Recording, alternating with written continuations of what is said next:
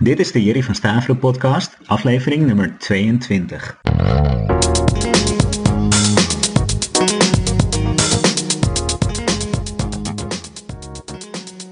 Welkom, leuk dat je er weer bij bent bij deze bijzondere aflevering. In deze aflevering ga ik jullie namelijk achter de schermen meenemen en inzicht geven wat er gebeurt als je twee online ondernemers samenbrengt. Wat ik daarmee bedoel te zeggen is, enige tijd geleden heeft Mark de Groot van de DGOC-podcast een interview met mij opgenomen voor zijn podcast. Hij heeft deze recent omgedoopt tot Mark Onderneemt Audio. Toen het interview er eenmaal op zat en Mark zijn audio-opnameapparatuur had uitgezet, kwamen de echte pareltjes naar boven. Ik heb zelf opnameapparatuur op mijn laptop zitten die elk online gesprek voor mij opneemt. En ondanks dat de geluidskwaliteit van deze toevallige opname niet van hoge kwaliteit is, is de waarde die we tijdens ons gesprek delen dat uiteraard wel. Ik wens je heel veel plezier en inzichten toe in deze speciale aflevering van de Jerry van Staveren podcast.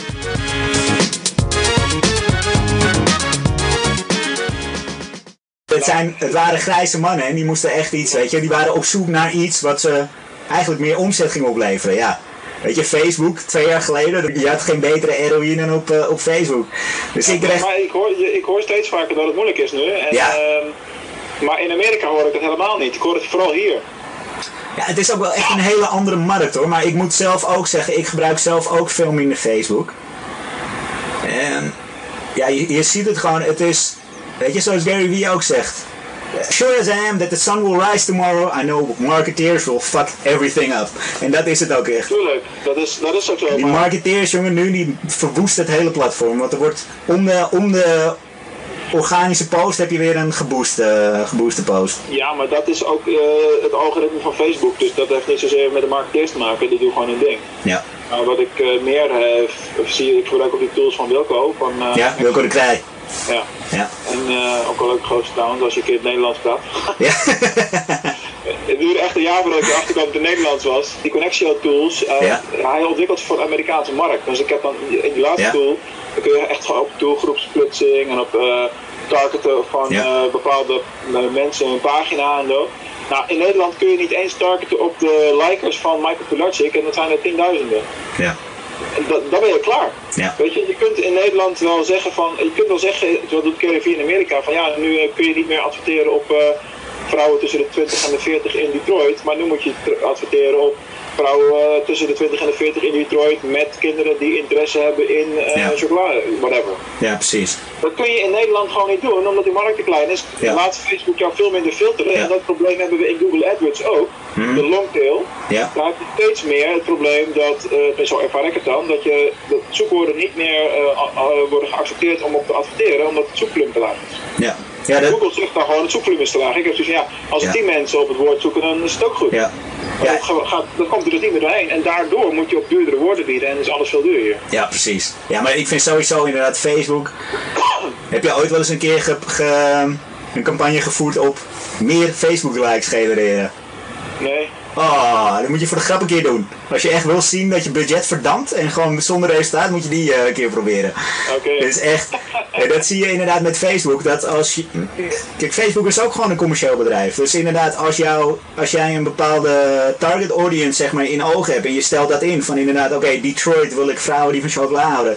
En het zijn er misschien 5000, maar ja, jij hebt er wel inderdaad 5000 euro budget voor over. Dus zie je dat gewoon nadat ze die 5000 hebben bereikt, gaat Facebook gewoon echt willekeurig man. Echt de vakken vullen bij de Albert Heijn voor 15 gaat hij gewoon jou, jouw is op advertentie laten zien. nog veel erger. Ik heb, eh, Oh, ik heb deze week een ad draaien op een van mijn podcasts.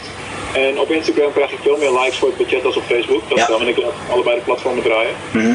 Op Instagram, als je gaat inzoomen op die likes, dan krijg ik eh, dat nu al, na drie dagen, dan Ja. is al meer dan de helft is buitenland. Ja. En er wordt wel gezegd van ja, Instagram ads is super interessant nu. En, Ja. eh, ja, maar het zijn de cijfers weer. kun je resultaten mee behalen. Maar bullshit als ik Ja. in Nederland doe. En de Nederlandse markt is daar gewoon anders. Ja, Daar heb je gewoon mee te maken. zeker. Ja, ik heb dat ook heel veel. Kijk, business coach, ja, dat is natuurlijk een Amerikaanse term. Dus ik krijg ook heel veel van die, eh, van die Amerikaanse eh, ja, wannabes, eh, weet je, die alles liken. En dan, ik heb echt op Instagram ook een bloedhekel aan die bots. Gewoon geautomatiseerde reacties. I love your profile. Ja, ja, ja. ja. Oh, verschrikkelijk.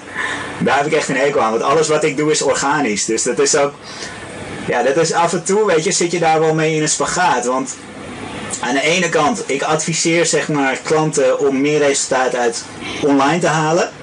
Alleen ik heb 500 Facebook likers zeg maar, weet je wel. Dus het is...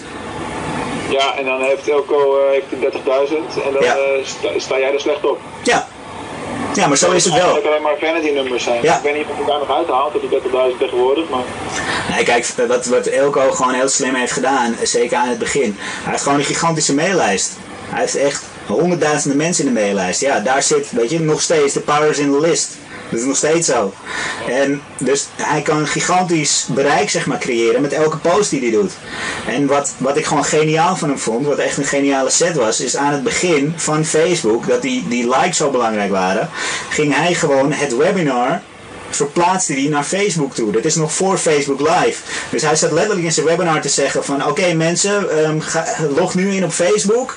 Ja, ja, ja, ik ga een post doen en daar kunnen we op reageren. En toen heeft hij echt het algoritme echt flink aangepakt. Hè?